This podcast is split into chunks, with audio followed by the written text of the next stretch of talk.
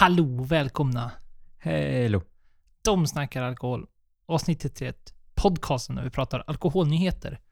Ämnen relaterat till alkoholhaltiga drycker. Och mycket annat trams. Ja, det blir ju mycket trams nu va? Ja, faktiskt. Men Har det- ni inte... Ni, ni får inte ha missat våra trams. Vårt största trams hittills kanske. Gräsklipperölen. Tramsavsnittets tramsavsnitt. Där vi besvarar en otroligt viktig fråga. Vilken är den bästa gräsklipparölen? Svaret har ni i det avsnittet. Lyssna på det om ni inte har gjort det. Absolut. Det, det blev ett eh, ganska roligt avsnitt ändå, vad vi har hört. Och de som har lyssnat och återkommit till oss. Ja, och det, man måste väl säga, det är väl kul att ha dem där. De verkar ju vara uppskattade, våra specialavsnitt. Vilket är alltid kul att höra, men man måste ju ändå säga att de är ganska roliga. Det är bra bryt att ha dem ibland och eh, spela in för att det, vi gör ju inte så mycket mer än att vi sitter och dricker någonting och bara pratar. Och det, det är ju trevligt att ha det. det är mindre struktur än vad vi har i de här avsnitten, vilket kan vara skönt. Absolut. Det det blir lite mer lojt, eller vad man ska säga. Ja, det blir ju, och så framförallt när det är äm- ämnen som gräsklippare, det är väl ingen som tar det 100% seriöst heller, så det blir ju bara bra. Jo. Väldigt viktigt. Ja. Det var det vi tog upp i avsnittet, hur viktigt det är att köpa den där plattan med gräsklipparöl. Ja, ja, inga spoilers nu. Nej, In, in och lyssna. nej, in och lyssna. Ja, vad gjorde du i helgen då? Ja, nu skrattar du för att du vet exakt vad jag gjorde i helgen. Eftersom vi var på eh, kryssning. Och det kan vi ju egentligen ta eh, lite senare, för det har vi ändå tänkt prata om senare. Så att, eh, jag behöver inte fråga vad du gjorde i helgen, för du var väl också på kryssning? Ja, det var jag. Du såg mig eller? Ja, jag såg dig. Ja, jag gjorde. Fick, fick, de- fick lite drinkar av dig, det var gott. sprang in i varandra. Ja, Ja, i sånt, hytten. sånt som händer. Sånt som händer. Nej, men det var ju kul. Nej, det tar vi väl sen. Det, detaljer tar vi sen. Runt en kryssning och eh, vad som är värt att säga om kryssning. För vi åkte ju mycket på grund av att vi ville ha den upplevelsen och kunna dela med oss här. Precis så. Så att eh, det får ni vänta lite med suspens på när det kommer lite senare i avsnittet. Ja, vad ska vi säga mer nu då? Nu dör ju det här segmentet. Nu brukar vi liksom gå igenom vad vi druckit, vad har vi gjort. Ja, Har du druckit något annat sen förra gången vi sågs, förutom i helgen? Förutom i helgen. Ja, Nej. ve- veckodrickande. Nej. Jo. Jag, Ja. tog, jag tog en Stig Bergets när- någon gång. Förra veckan. Den Stigbergs här, den här IPA. stora, nej. Jaha. Ja. Ja, ja så, så, så var det ju. Jag- Fem liters dunken åkte fram. Man Ja. satt där på en onsdag kväll. Trevligt. Mm, Lillördag. Lillördag. Ja men Stigbergs IPA. Jag tog ju med oss den, det kan vi i och för sig dela med oss när vi jag åkte bussen. Så tog jag ju med mig även Stigbergs IPA. eh, Alltså bussen till kryssningen också. Och det är ju en fantastisk öl. Ja, den, den var mycket bättre än ölen jag hade med mig. Det var jättekonstigt. Mm. Förstår inte. Nej. Det är inget fel på Falcon och Royal Red Lager. Och till detta avsnitt sitter vi nu och smuttar på lite rye. Rye whisky. Och det är gott. Har Det är vi, riktigt gott. Har vi ju lärt oss nu faktiskt. Mm. Mm. Ja, det har blivit en personlig favorit på väldigt kort tid. Det har väl varit någon sån där man har ja, men druckit lite sådär, men nu, nu, nu letar jag faktiskt aktivt efter bra rye. Och vi har inte druckit rye hittills i podden. Nej, Det är otroligt. och det var det vi skulle ha druckit förra veckan. Ja, precis. Och det var det som var lite... Det var ju bra timing med det. Jag hade ju veckans släpp med, med, med rågwhiskyn som släpps, släpptes då. Eller släpps den här. Hur fan blir det? Jo. Jo, den här veckan släpps det ju. Precis. Så blir det. Men, eh, ja. Och sen glömde jag att ta med mig en rye. För vi skulle dricka två rye. En som är din och en som är min. Och jag har ju då, bidragit med en, eh, en sämre variant. Går väl inte att undkomma. En Bullet Rye. Som i och för sig är väl bra att ha i det här eh, segmentet. Bullet Rye är ju då en av de vanligaste. Mest tillgängliga. Kanske mest kändaste. Ryen. Den används ju väldigt mycket i drinkar och sådär om inget annat. Men funkar väl att dricka så här också. Och nu sträcker jag mig efter flaskan för att jag vill se vad... Vad har vi på den här? En 70 på 45 ABV. Alltså, den är trevlig. Men det är ju... Det är inte det här man letar efter i Ryan om man jämför med den, den vi drick, kommer dricka sen. Som den som jag har. Det var ju den som egentligen fick oss att falla lite för rye whisky överhuvudtaget. Ja, rye whisky har ju alltid varit en sån där som tenderar att vara lite mer... Alltså, smaknoter man hör av experter är alltid spicy. Och jag förstår inte riktigt den smaknoten i sig, för att visst, jag kan förstå den i, i, i spicighet att det, det händer någonting med jämförelsevis med typ bourbon. Vilket oftast, det, är- det är ju så det associeras ofta, rye whisky och bourbon. Båda härstammar väl från, från Amerika egentligen. Även fast eh, rye whisky görs ju på mycket här i norr, om inget annat. Vilket inte är konstigt. Kanadensarna, som jag berättade förra, förra veckans släppet. Eh, just för att rye, råg alltså, växer ju bra i kalla kal- klimat. Mm. Och dan- danskarna gör ju också mycket rågwhisky och även eh, Blind Seal här i Sverige kör ju rågwhisky. Ja, Och då måste det ju vara 51% råg för att kallas eh, rye. ja, gamla, enligt gamla... Den där är också lurig, för det är väl enligt gamla amerikanska lagarna.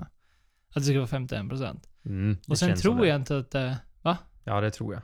Det är det- mycket påhitt i USA. Ja, och det motsvarar ju precis som, ja, men som, som jag sa där med deras gamla historia med, med jämförelsevis med bourbon. Som då ska vara 50% majs, så skulle deras rye whisky vara 51% råg. Men sen tror jag typ Kanada. Jag tror att en, en, en whisky i Kanada, alltså en rågwhisky i Kanada inte ens behöver vara råg. Alltså det är så pass. Så det, det är lite landbaserat det där. Precis som alltid med de här reglerna. Men samtidigt så brukar de här reglerna, precis som reglerna runt scotch och fast liksom, eh, det inte görs i Skottland, whiskyn, så håller de sig till samma regler och det är väl ungefär här. Så man brukar ju säga att, eller generellt sett så brukar det ju vara mer än 51%. Oftast brukar det ju se, som i den här så är det 95% rye i mashen. Men det, det är ju lite som du sa i början, det här med att det är ju en bra mixer. Om du ska blanda någon drink och vill ha rye i, så är ju den här en trevlig, den tar inte över för mycket. Den är ju väldigt lätt, skulle jag säga, om man jämför med en del andra rice som vi har smakat eh, nu på senare tid i alla fall. Mm. Och smaken, jag vet, jag vet inte, den är jättesvår att, att försöka... Som sagt, spicy. Ja, kanske. Brist på annat. Men lite den här... Den har väl den här hinten. Det är väl där kanske spicen kommer ifrån. Alltså inte spicy som att det är ett starkt mat, utan mer spicy som kanske är svartpeppar. Alltså det kommer en hint av en not som är väldigt påtaglig. Absolut om du jämför den mot med typ en bourbon, som är väldigt len och lätt och sådär. Så här händer det ju någonting här. Ja, det tycker jag. Det kan jag hålla med om. Det blir lite mer. Och som du säger, spicy, det är ett bra ord att förklara. Tycker mycket av de här rye och en del bourbon smakar, eh, jag vet inte, varmt. Det känns som att det här var lagat på ett varmt klimat. Just som man kan få med typ Kavalan som också har lagats på ett varmt klimat. Det känns som det i munnen, att det liksom har, har en snabbare mognadsprocess. Inte på något negativt sätt, utan ja, att det- gott, varmt, pepprigt. Ja, verkligen. Det är kul att det har börjat slå igenom. Det har väl bara gjort det de senaste, ja, i och för sig som, som all dryck inom alkoholhaltiga drycker som har liksom fått en liten boost sen, inte vet jag, inom tio år kanske. Så har även Ryan fått en liten uppsving där ute bland destillerierna, vilket är kul. För annars rent generellt sett så brukar man ju säga att Rye är, det, är, det är ganska svårt jobbat, så som jag har förstått det. Alltså rent destillat-tekniskt sett. Det blir en väldigt så här klibbig typ av vätska som är svår att ha att göra med. Så att det är många destillerier som ryggar för det, eller provar och inte kanske lyckas sådär jättebra. Så det verkar vara en svår, svårt slädslag och liksom få till på ett bra sätt. Men jag uppskattar ju de som försöker att lyckas. Ja, för när det lyckas, då, då blir det bra. Vi dundrar av denna nyhetssegment med tråkig nyhet. Som vi ofta gör, men det, det kan vara skönt att få med det här, det tråkiga, det sorgliga, det bittra direkt. Och sen hoppar vi på på ljusare. Det håller jag med. Det är mycket roligare. Pra- Ja. Det är mycket roligare att prata om roliga nyheter än tråkiga nyheter. Ja, så, ja, så, vilket citat du lägger. Ja, ja. Otroligt. Första sa det. Otroligt. Och den tråkiga nyheten här är ju det som många säkert har läst, att eh, Mackmyra eh, kommer behöva se upp personal på grund av det rådande läget ja, inom hela det företaget egentligen med eh, högre, högre kostnader på allt och eh, sämre försäljning. Man har fått slut på likviditeten, som man säger. Och det innebär ju då att eh, pengar, pengar för investeringar och pengar för att röra sig och röra företaget framåt börjar ta slut. Så att då kommer ju investerarna och säger att nu måste det hända någonting. Vi måste börja spara ner. Vi har inte någonting att röra oss med. Och då blir det ju ofta så här, tyvärr, att man får dra ner på personalstyrkan. Och det är ju väldigt tråkigt. Och speciellt när de skriver det här att eh, det är ju Spirit News som skrivit att ungefär var femte anställd kommer sägas upp. Så det är ju ganska många som försvinner och det är ju ja, höjda räntor och eh, allt tråkigt som vi redan har nämnt på flera fronter. Och det är väl inte bara inom alkoholbranschen, det är ju överallt egentligen. Mm. Nu har, vet vi ju inget konkret så, men man kan väl... Ska man köra till med en killgissning så innebär det här säkert att det är en det är tråkig personal som försvinner i den mening att det, det är ju... Det första man drar in på kanske är det här växande inom ett företag. Vem vet, nu kanske de har en affärsmodell som ser helt annorlunda ut än det jag pratar om nu. Som sagt, det är ju bara en killgissning. Men eh, det kan ju göra att det stoppar upp, för Macmyra har ju varit ett av de här företagen eller industrierna inom Sverige som faktiskt har tagit stora steg utanför svenska gränsen. Och man har satsat stort på globala försäljningar, eller åtminstone inom EU. Och det är väl, tyvärr tror jag, är väl att det är det som kommer ryka först. Att man försöker spara in på dem. De liksom horisonten man ser om man försöker eh, förstora själva företaget. Sen satsar man på att ha kvar produktion och sånt. Som, som får skeppet att snurra. Eller snurrar gör det inte, men vad gör det? Seglar? Ja, seglar. Ja, det är, det är svårt att se vad det är de börjar dra ner på. Och det, så vet ju inte hur många anställda de har och vad för sorts anställda som säger om det är de här nyskapande eller är det massa brand ambassadors som åker runt på provningar. Jag vet inte om de får så mycket betalt så, alltså varför personer de säger upp. Men eh, i läget som är, det är ju tråkigt eftersom det är ett svenskt destilleri och det är första svenska destilleriet inom den här senare tiden om man räknar bort gamla blended skeppets. Om man vill hjälpa till och stötta då är det absolut eh, köp en Mackmyra. Det finns gott om det på systemet och det finns bra Mackmyra och även om du tycker att no någon av dem du har smakat inte varit så god, men testa någon ny då. De är inte jättedyra. Det tycker inte jag i alla fall. Men det är väl en prisfråga som alla får diskutera själv. Alla deras specialreleaser de har släppt på senare tid som har varit lite olika lagringar på och varit väldigt trevliga, roliga. Det gäller ju att stötta. När det går dåligt, köp någon flaska när du är inne på systemet och för att liksom visa att eh, vi vill att det ska gå bra. För det är ändå vikande försäljning som också har gjort att det går sämre och det är alltid tråkigt och det finns ju faktiskt någonting vi kan göra åt. Så är det och är det så att du absolut inte vill köpa någon typ av dryck eller någonting så har de ju en shop så du kan ju köpa en t-shirt eller eh, honung ser jag att de har här. eller pastiller eller handsprit och det är glas och ja men ni fattar, det finns ju saker utanför ifall man det är så att man vill slänga in en slant för att försöka sponsra i den här tuffa tiden men man vill inte ha en typ av dryck. Och nu, är du en vinentusiast, då är det ju här bra eller bra är det väl inte, men det är väl roliga nyheter. Det är, det är positiva nyheter för dina potentiella investeringar du kan göra. Men det är inte kul ifall du är en vinproducent i Australien. Nej, då, då ligger du dåligt till. Och inte på grund av eh, att det har fått en för dålig skörd, utan mer att du har för mycket kvar. Och det är ju verkligen helt tvärt vad som vi har läst och pratat om tidigare avsnitt. Det är ju lite kul är fel ord, men lite intressant. Bakgrunden till detta är ju då att eh, de har haft en väldigt stor export till Kina bland annat. Som nu har, i och med, och har man hängt med i Kinas utveckling och så vidare, så börjar ju de få det lite tufft tror man.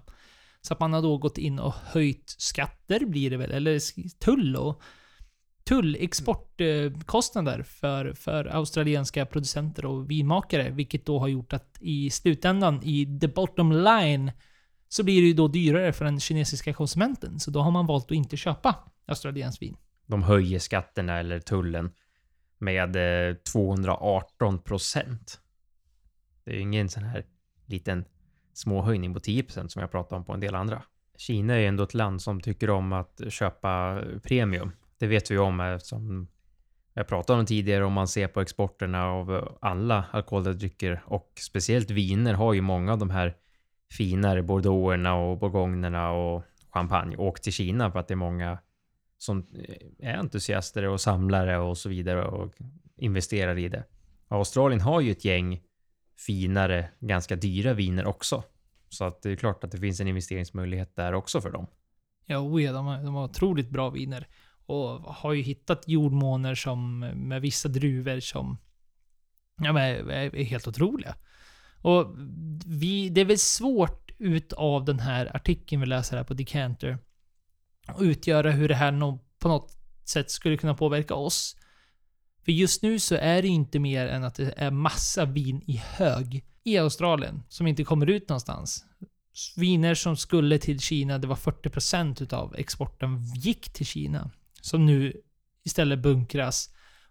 Det är klart, det blir väl svårt att försöka få, få iväg det här på något sätt. Något snabbt och smidigt sätt. Jag menar, Australien det är ju inte nästgårds direkt. Så att det, det är väl svårt att avgöra, men det är klart det här kommer ta ett hårt slag för australienska producenter, vilket är ju absolut negativt.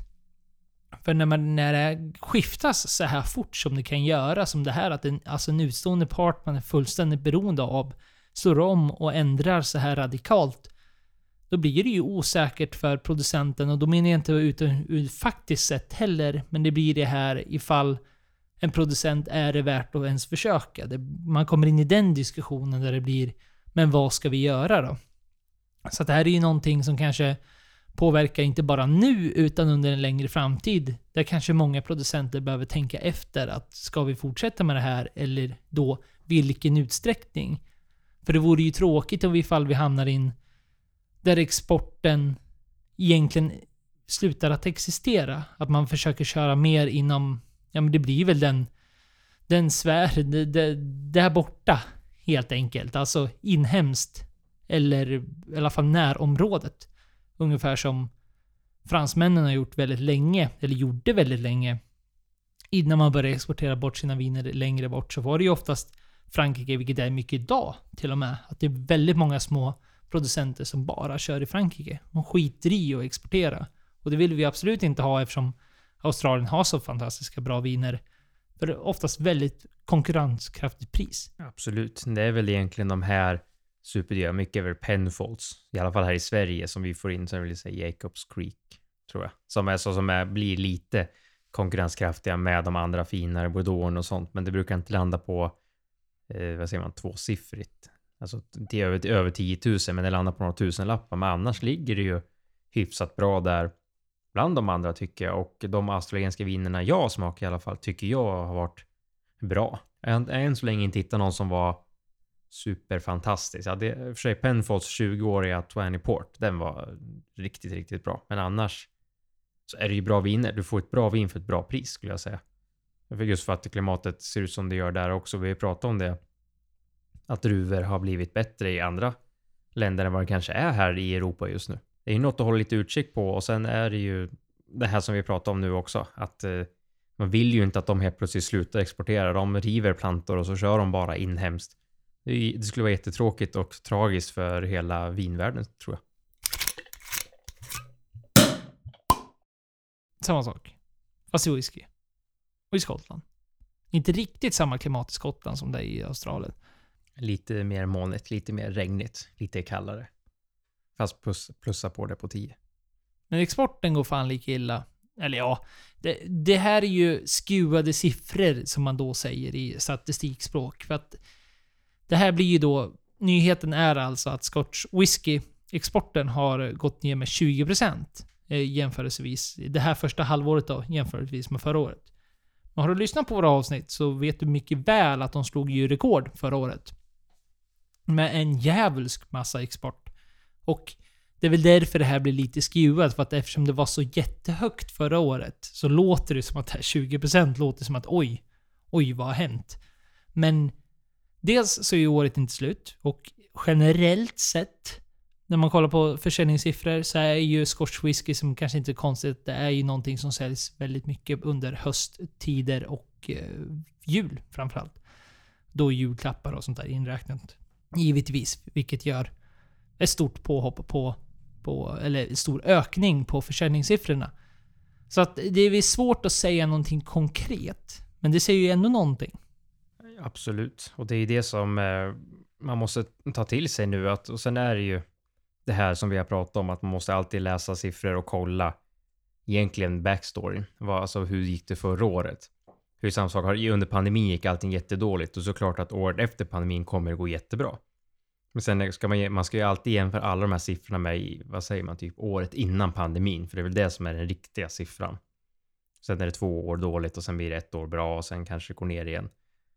Men eh, det är ju så att exporten har ju sjunkit just som jag pratade om den premiumization, att de exporterar inte lika mycket, men det har ju ökat på det här dyrare sidan, att folk köper mer premiumsaker, vilket gör att de här som kanske köpte två, tre flaskor lite billigare whisky köpte en flaska finare istället. Och då, klart, då tappar de ju tre flaskor på den personen.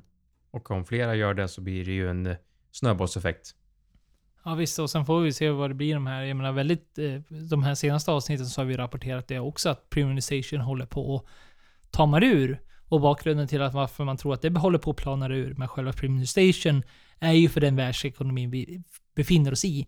Med inflationer och allt vad det är och huskassorna blir mindre. Så det kanske det bland det första man slutar med att köpa är väl kanske bättre spriter. Eller det, det är någonting som man kanske slutar köpa. Den generella marknaden försvinner väl där. Att det det är kanske bland det första man stoppar. Om man köper något annat. Nu kanske det är helt oigenkännbart i den här podcasten där alla är entusiaster och inte alls förstår den typen. Men tänker man den vardagliga familjen och man befinner sig i den situation man är nu när helt plötsligt mat och så vidare blir tusenlappar dyrare och energi och el och sånt där som man kanske har alltid tagit för givet i alla dessa år. Ja, men då kanske man slutar köpa en whiskyflaska per månad eller något sånt där. Och det är väl det, är det som gör det här lite spännande. Man vet inte riktigt hur, hur, hur det här kommer sluta i, ifall det här är siffror som kanske kommer sluta. Det kan ju mycket väl vara så. Alltså att vid slutet av det här året så kommer vi se en dramatisk sjunk på grund av ekonomin snarare än annat. Eller så är det bara så att det, det, det är skewat på grund av att förra året så var det så jättehög export.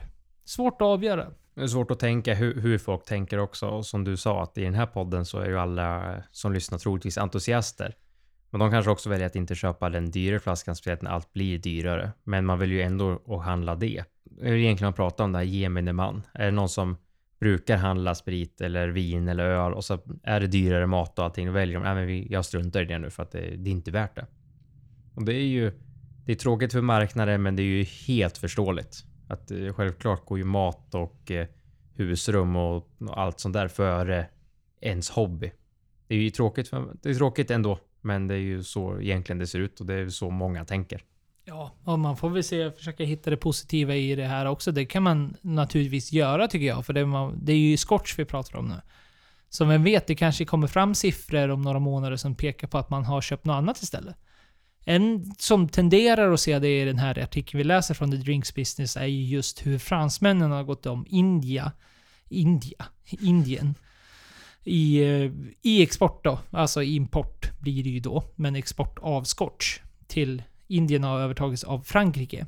Och det kanske tyder lite på att, för jag menar vi rapporterade inte heller för lite länge sedan med siffror som tydde på, tydligt tydde på att Indien blev större och större i, rent whiskymässigt. Så vem vet, de kanske har fått en bättre inhemsk marknad där borta eller konkurrensen ökar rent generellt sett. Så att, visst, mörkt för scotch whisky, men det behöver inte betyda att det är dåligt för whisky överlag.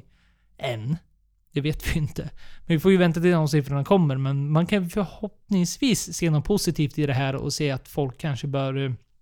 Ja men precis som i vinvärlden, när vi nyss pratade om australiensiskt vin, där liksom the new wine world helt plötsligt exploderade och man blev inte lika beroende av italienskt vin och franskt vin och sånt där. Att det kanske är någonting som händer i den globaliseringen börjar komma infatta mer, mer drycker, alkoholhaltiga drycker. Och det blir ju... Det är väl nå, någonting man absolut måste se som något positivt. I det stora hela. För den som har missat det så har det regnat. Visste du det Viktor? Jag har inte märkt. Nej. Det är aldrig något vi har pratat om i podden heller. Nej, vi pratar ju aldrig om väder. Men nu pratar vi om väder på ett bra sätt. Eller på ett bra sätt, men på ett... På ett vad ska vi säga? Nyhetsmässigt sett. Ja, precis. Något relevant, relevant. med podden. Och det är ju det att eh, det har regnat och artikeln här handlar egentligen om att, att det har regnat mycket i UK eftersom det är The Drinks Business som har skrivit det som har gjort att säljarsiffrorna har sjunkit. Och det här är väl egentligen inte jätterelevant till oss. Vi tänkte vi skulle ta den här och egentligen prata om som det ser ut i Sverige. Där har vi ju inga siffror. Men det har ju regnat under, eh, jag vet inte hur många veckor blev det? Fyra? Fem? Typ. Ja, men det har väl varit i stort sett hela jävla juli. Och, och nu in i augusti så har det inte varit jätte, jättebra heller. Det har ju till och med varit ännu sämre om man ska räkna med alla stormar och vattenflöden och allt vad det har varit. Så det har ju varit katastrofalt. Och uteserveringar får ju ändå medges att det är, ju, det är ju någonting. Det har någonting. Och jag tror man inte är själv med att säga, säga och tycka att en av de absoluta höjdpunkterna på våren, tidig vår, i och för sig den fick man ju avnjuta, typ maj, juni där. Det var ju bra. Men det är ju det här att kunna sitta ute och ta en öl, eller vin, eller en drink på en takterrass eller på en... Att ta en öl ute eller på en uteservering har ju faktiskt blivit ett, en benämning av ett, någonting man gör inom alkoholhaltiga drycker här i Sverige. Även om det låter i och för sig banalt i, i, i det stora hela. För det är ju naturligtvis någonting man självklart har i typ Sydeuropa och så vidare. Det är ju det är ingen snack om saken. Det är klart man sitter ute. Men här i Sverige, eftersom vi har våra säsonger, så blir det ju någonting. Att sitta på en uteservering. Det är ju så man säger ju. Eller hur? Ja, det är ju det man suktar efter. Alltså första uteserveringen.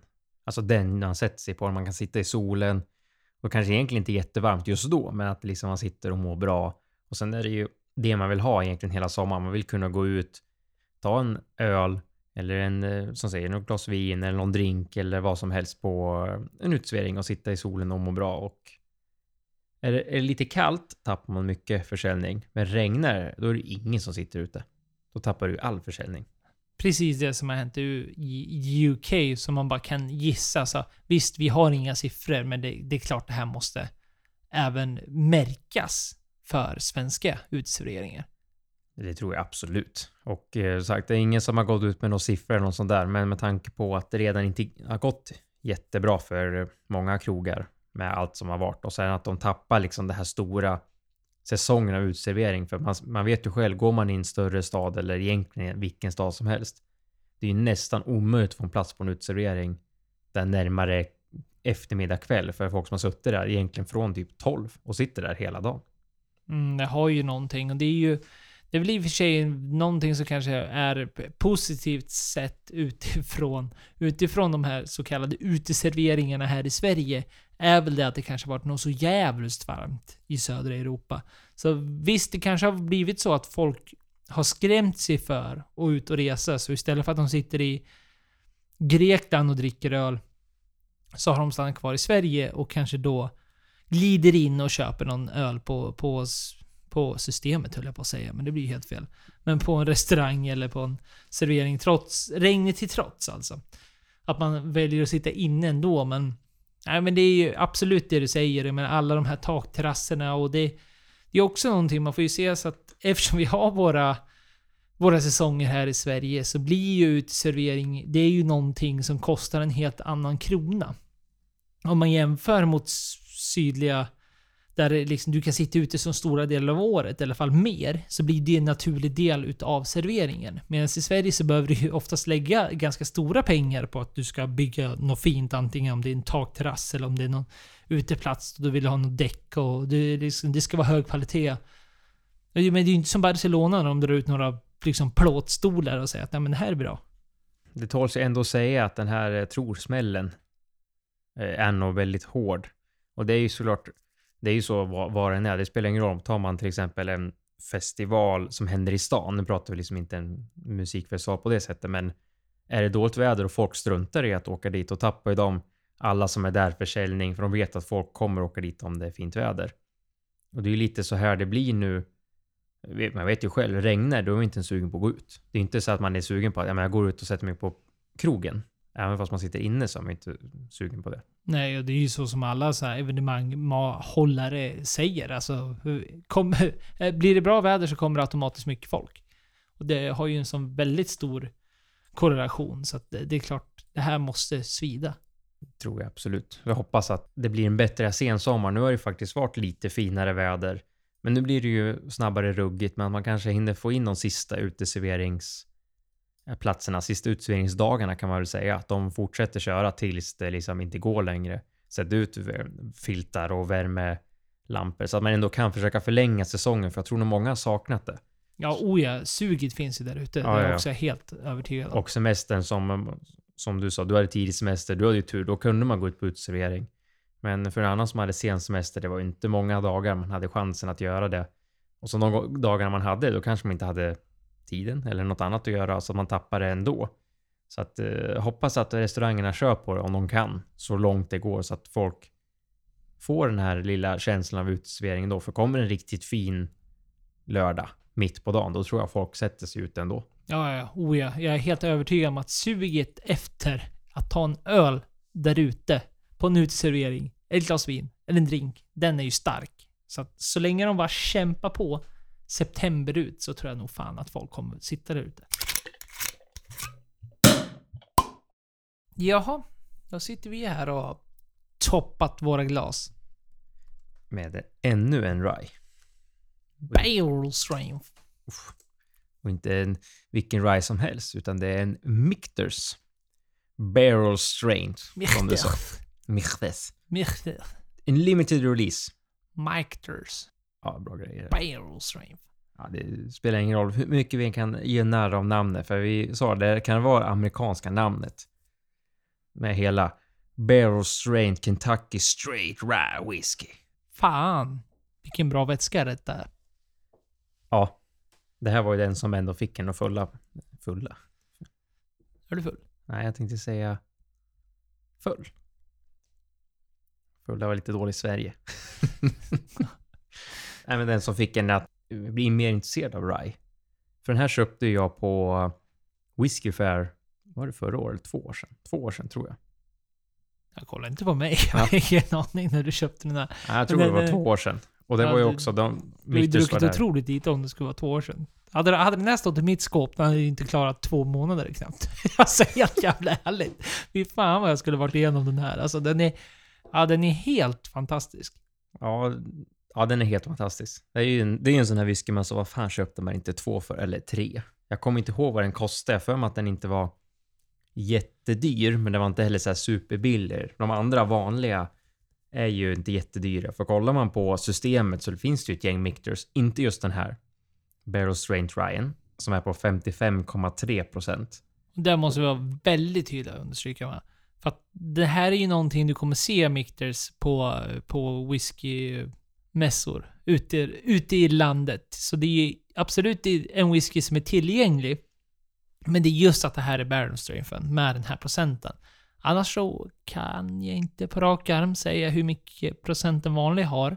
det är ju 40 någonstans. Den är 40, ja, 45 eller något sånt där. Det är inte, det är inte 40 i alla fall. Alltså det, den, är, den är inte toklåg, men nej, det, jag det tror- är något helt annat. För de har ju på systemet har de ju en sour mash, de har en rye och de har en American whisky och en bourbon. Och jag har provat både bourbonen och whiskyn. Båda är goda, alltså det, det, de gör bra whisky. Det, du får ett bra köp av att köpa Michters, helt ärligt. Och de, jag tror inte någon kostar ens över 700 kronor. Så att det är liksom inte så här så du går, du, plånboken blir tom av att handla. Så att det, det är ju ett, det är ju en bra rekommendation om du vill ha en bra en bra amerikansk whisky eller bourbon eller rye. Men den här är ju bättre. Ja men verkligen. Och det här är ju någonting som är... Man blir ju så avundsjuk på de som bor, väl bor i USA. De pratar ju om sin... Jag menar visst, dricker du inte bourbon eller rye eller något sånt där. Då, då är du väl inte ett dugg intresserad. Men just att de har det här. Det här är ju... Mitters är ju lokaliserade i Kentucky. Och det är Kentucky, vi pratade ju om det under bourbon-avsnittet. Att de gör ju typ all bourbon.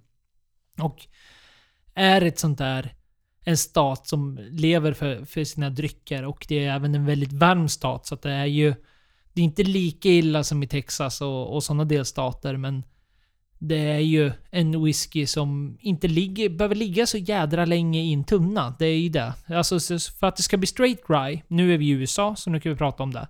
Så att straight rye, det är ju precis som straight bourbon att det måste ligga minst i två år i, i tunna. Men sen, det är ju det också. Och det här är ju en straight rye whisky.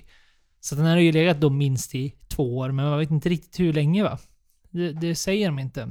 Mm, Nej, jag ska gå in och kolla om jag kan hitta lite på uh, Whiskey Base. Och se om jag kan få fram något. Annars har de ju fördelen med sitt klimat är ju just det att de kan, de kan köra på det. Att de, det, det, det, liksom, det blir otroligt bra på grund av klimatet. Trots att det är, jag menar, åren behöver inte motsvara det, vilket då, det jag försöker komma fram till. Det är det som gör då att priserna kan vara så pass låga. I Sverige visst med export och, eller ja, import blir det väl, av leverantören och våra skatter och så vidare. Så slutar det i alla fall av att de här är ju ganska... Ett exempel är jag köpte in Rittenhouse som en annan rye. Otroligt bra på 50%. En Bond, Bottenlin Bond. För 500 spänn kostar den här i, här i Sverige. Och det tycker vi är en bra, billig... Jag menar, eller billig, det beror på relativt sett naturligtvis, men ändå ett bra pris. Men den i USA, den kostar ju så här alltså 200-250 spänn. Det är ju halverade priset. Och det är ju så löjligt vad bra dryck de kan få där borta. Återigen, mycket på grund av klimatet. Absolut. Och nu, nu måste jag bara säga, jag är inne på Whiskey Base och kollar på min egna profil för att hitta flaskan jag har lagt in. Jag har ingen ålder på den, men något pucko har gett den 82,33 i betyg. Det är någon som inte kan sin rye. Fan, det här är ju fantastiskt rye. Eller så vi som inte kan. Nej, men det är klart vi kan. Det, det ska väl sägas nu när vi, när vi bara sitter och tokhyllar just den här Vi tycker det är fantastiskt. Det är svårt att säga. Visst, Rittenhouse ska jag absolut rekommendera ifall du är så, en sån som kan tänka sig att köpa en flaska på chans för 500 spänn och du vill veta vad en bra rye smakar som, så är det en fantastisk bra rye. Det är med. Med det sagt så kan jag väl ändå rekommendera att du provar en rye. Om du inte har provat en rye förut, det är där jag försöker komma nu. Så prova det på en mässa först. För det har ju ändå en speciell smak. Som jag förstår att det inte riktigt passar alla. Precis som bourbon. Det kan jag absolut hålla med om. Men eh, ja, som sagt, den här Ryan, det var den som egentligen fick oss att ja, blev, blev lite mer, fick upp ögonen för det i alla fall. Och jag, jag smakade den på mässan och den var ju absolut, det var ju bland det bästa tror jag, drack den mässan. Och det, alltså, jag hoppas att de kommer tillbaks eller att den här flaskan kommer in i Sverige igen. Så man i alla fall kan köpa på sig en till eller två till. Ja, eller att en annan RAI, mer RAI kommer in på Systembolaget överhuvudtaget. Det behöver nödvändigtvis inte vara exakt den här, men det är väldigt få där ute. Så man hoppas att marknaden blir större och leverantörer börjar importera ännu mer RAI. Och mer från USA överhuvudtaget vore ju kul. Men det är ju brist redan där borta, så att det blir svårt då att de ska nå ända hit bort. Men man kan ju i alla fall hoppas.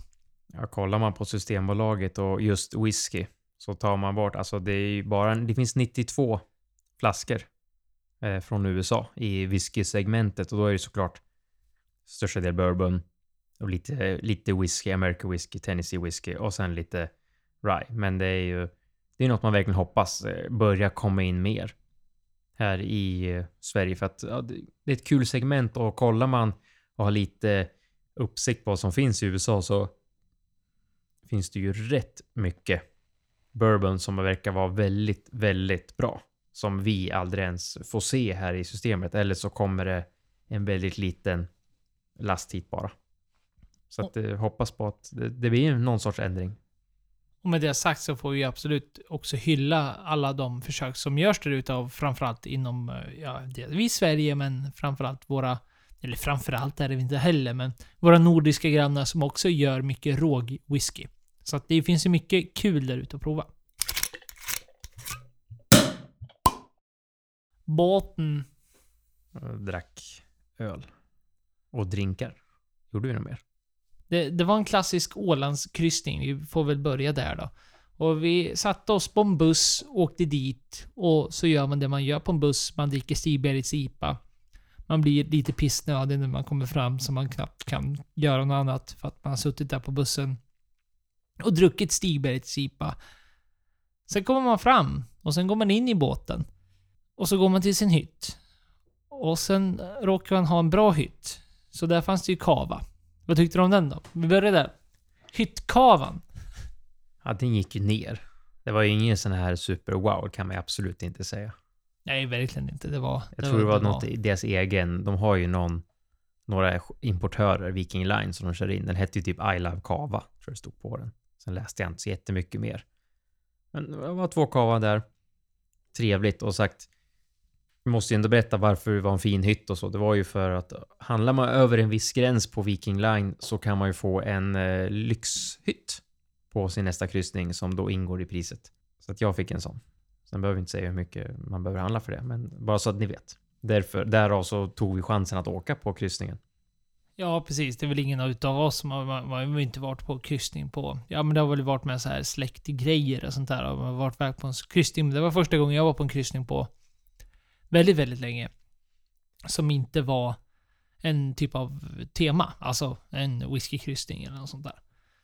Ja, jag tror samma sak. Jag, vi pratade om det. Jag tror inte jag har varit på en vanlig kryssning sen typ man åkte till Finland.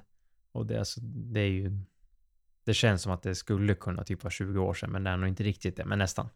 Och det är väl kul att uppleva. Alltså, jag vet inte. Det, det var ju över min förväntan faktiskt. För jag menar, det är många som tycker att kryssningar, det är bara så här, eh. Men det blir ju mycket vad man gör det till. Vi hade väl positiv anda och försökte ha kul hela tiden. Men sen var det väl största delen var väl att vi försökte få det här. Vi åkte på den här... Ja men dels för att du fick den här hytten då, så att det var väl egentligen no-brainer.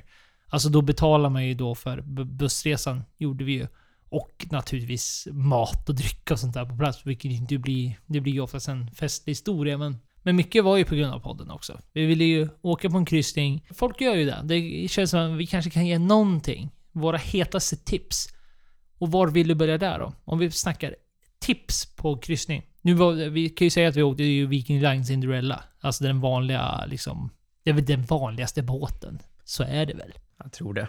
Både för fest och för familjer och... Ja men den har väl allt. Vi testade väl inte alla ställen. Men vi har ju testat tidigare på tidigare kryssningar. Men just det, hytten var ju bra och sen gick vi till baren. Och så satt vi där ganska länge ändå.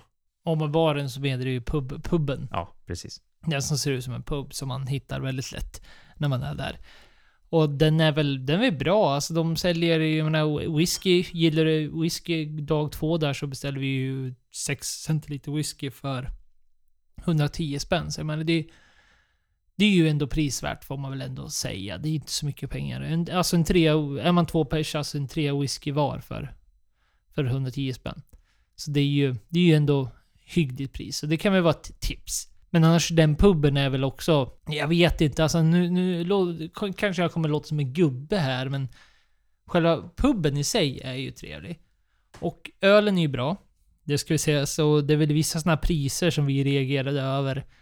En Chimay exempelvis kostar 70 kronor och en Budvar kostar 70 kronor. All flasköl kostade ju 70 spänn oavsett vad det var. Då är det no-brainer. Får ju mer i en Budvar. ISB. Halvliters.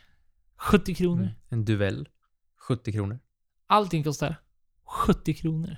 Så det är väl ett tips. Att eh, det är ett bra ställe att kunna gå till och sen går du och köper något gott. Om du vill starta din kryssningsresa med något... Men en Chimay och en whisky. Det är väl inte dumt? Absolut inte. Och även så har ju... De har ju taxfree-priser i liksom barerna. Vi kollar jag vet jag kollade det här tidigare också, men en eh, Piper Heidsieck eh, champagne. Som då, jag vet inte vad den kostar på systemet, men jag kommer inte ihåg vad jag sa till dig, kostar den 510 kronor. För en flaska på båten. Det är, det är ju ingenting generellt med vad du skulle betala för en flaska ute. Alltså jag vet inte, du betalar nästan 500 kronor för en flaska prosecco ute på puben eller baren. Och de hade någon eh, Paul Roger för 700 kronor tror jag. Och det är inte heller jättedyrt med tanke på att den kostar typ 500 kronor också eller något sånt där på systemet. Så 200 kronor mer för att få den serverad på båten är inte jättefarligt. Är du en sån, det är ju även värt att nämna att eh, de säljer ju för taxfree-priser, alltså vin överlag. Så du kan ju även köpa ett, eh, en flaska rött eller flaska vitt i restaurangerna där inne. Nu valde vi att dra en buffé. Vilket då gör att du får ju rödvin ur en tapp eller så får du lappinkulta. Det är det som ingår i den, i den. Men väljer du inte göra det så kan man ju absolut rekommendera ifall du vill dricka något gott till middagen. Att gå till en av restaurangerna just för att och passa på att köpa en, en flaska vin för taxfree-priser. Det är ju en speciell upplevelse. Det är det absolut och det är ju, det är ju värt det. Annars som man kan tycka är värt att prova om man är där eller som ett tips, det är att prova drinkar. Dels eh, rent prismässigt så står sig en drink väldigt mycket bättre än vad det gör i fastlandet. I No Shocker. Allting blir ju under en hundralapp. Men framförallt för att de som jobbar... Jag får i alla fall den upplevelsen att det är många som jobbar där. Naturligtvis beror det på vilken bartender du springer in i just den kvällen du är där. Men känslan är ju att det är folk som faktiskt är barintresserade som jobbar där. Vi provade väldigt många drinkar. Ovanligt många drinkar. Och det var väl just det, jag tror jag kanske gick igenom hela menyn. Men det var väl dels för att man visste att vi skulle sitta här och dels för att priserna är vad priserna är. Och det ska väl också sägas, när man är, förutom den här puben då, vilket inte har den största ölutbudet överlag heller, ska sägas. Inte whiskyutbudet heller för den delen, men de kan ha roliga. Jag har ju köpt eh, en jättetrevlig whisky där. En gång som jag vet att han, i, när jag sa att jag ville ha den, han oj, den här var dyr. Och tänkte, jaha, nu pratar vi Stockholms pubpriser, men det var det inte alls. Så att du, du är fortfarande ett bättre pris där än vad du skulle få i fastlandet. Det byts ut, alltså tycker jag hela tiden. Varje gång man är där så finns det nya sorter. Sen finns det de här vanliga standarderna och sen kommer det lite nytt hela tiden. Men på de andra ställena, då är det ju väldigt dåligt utbud. Då är det ju liksom en lappinkulta som gäller, eller typ en uh, chip full of vipa eller något sånt där. Så att det gjorde väl det också att det, då blir det ju roligare att prova drinkarna. När man väl är på plats. Dels för priset då och dels för att, jag menar, det resterande utbudet inte är så dumt. Men viktigaste frågan är, vad tyckte du om lappinkultan? Den är ju ändå så här, det, ja, det, ja. Ja, den var, den var god. Alltså, jag tror inte jag har druckit den sen...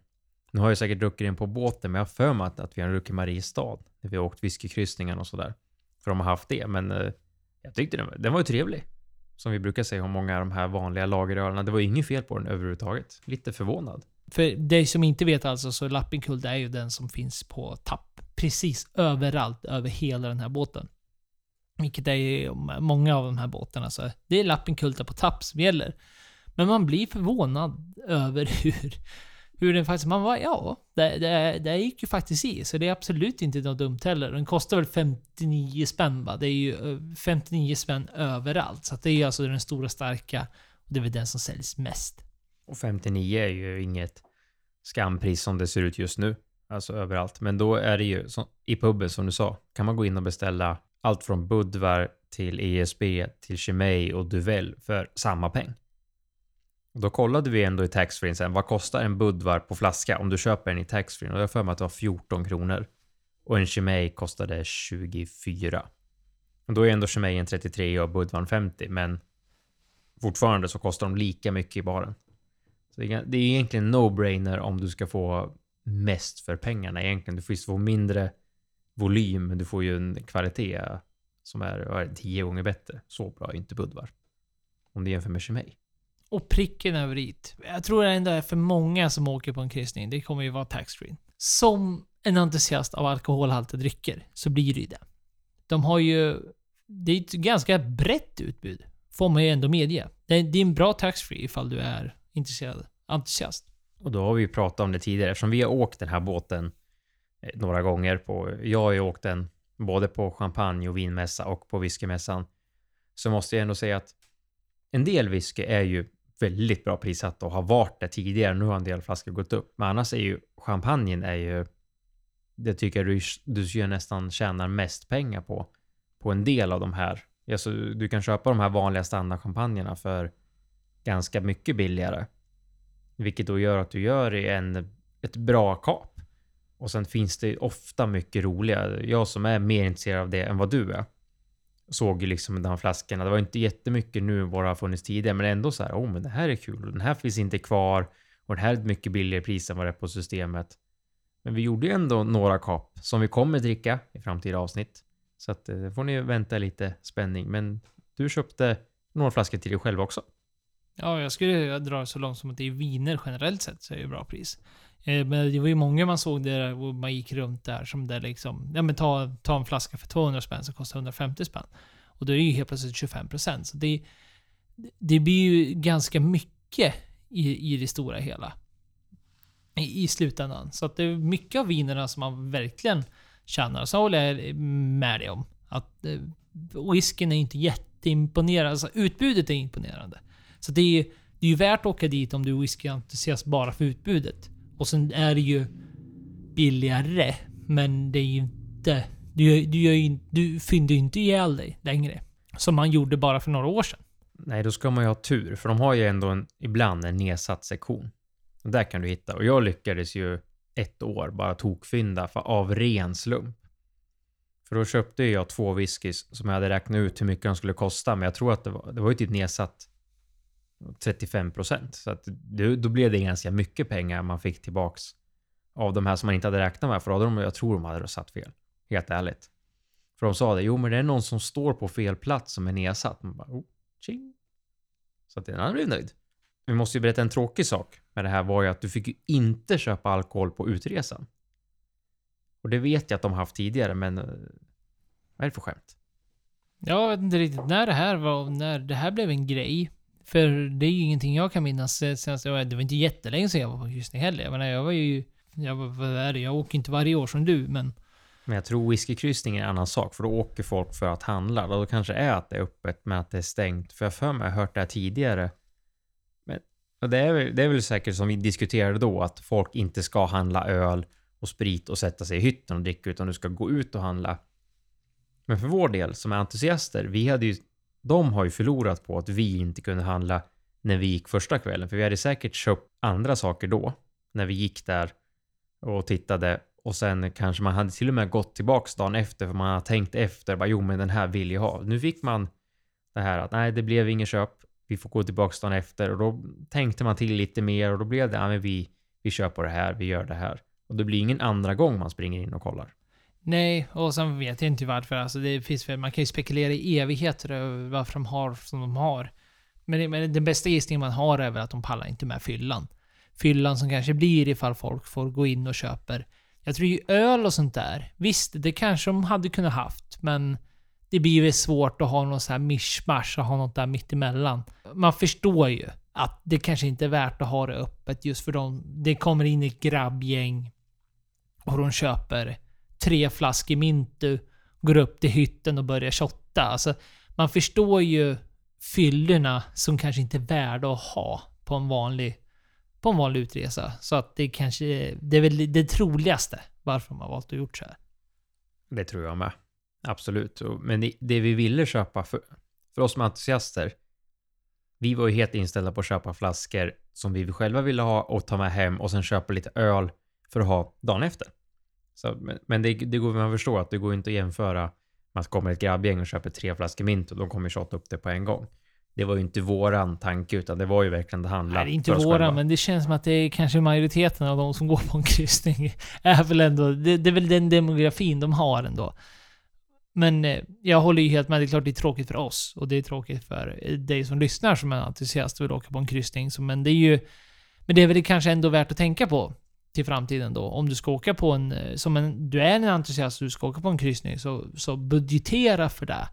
För det är väl där eh, skon klämde i alla fall.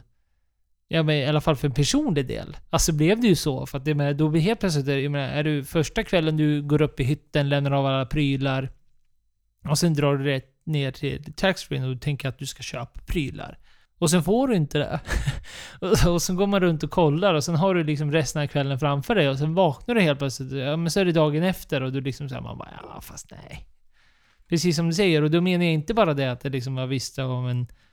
Att man köper mer för att man då skulle ha mer feeling. Utan det är ju bara mer för att du har ju avsett. Ja, men jag tror det är absolut vanligast för många också.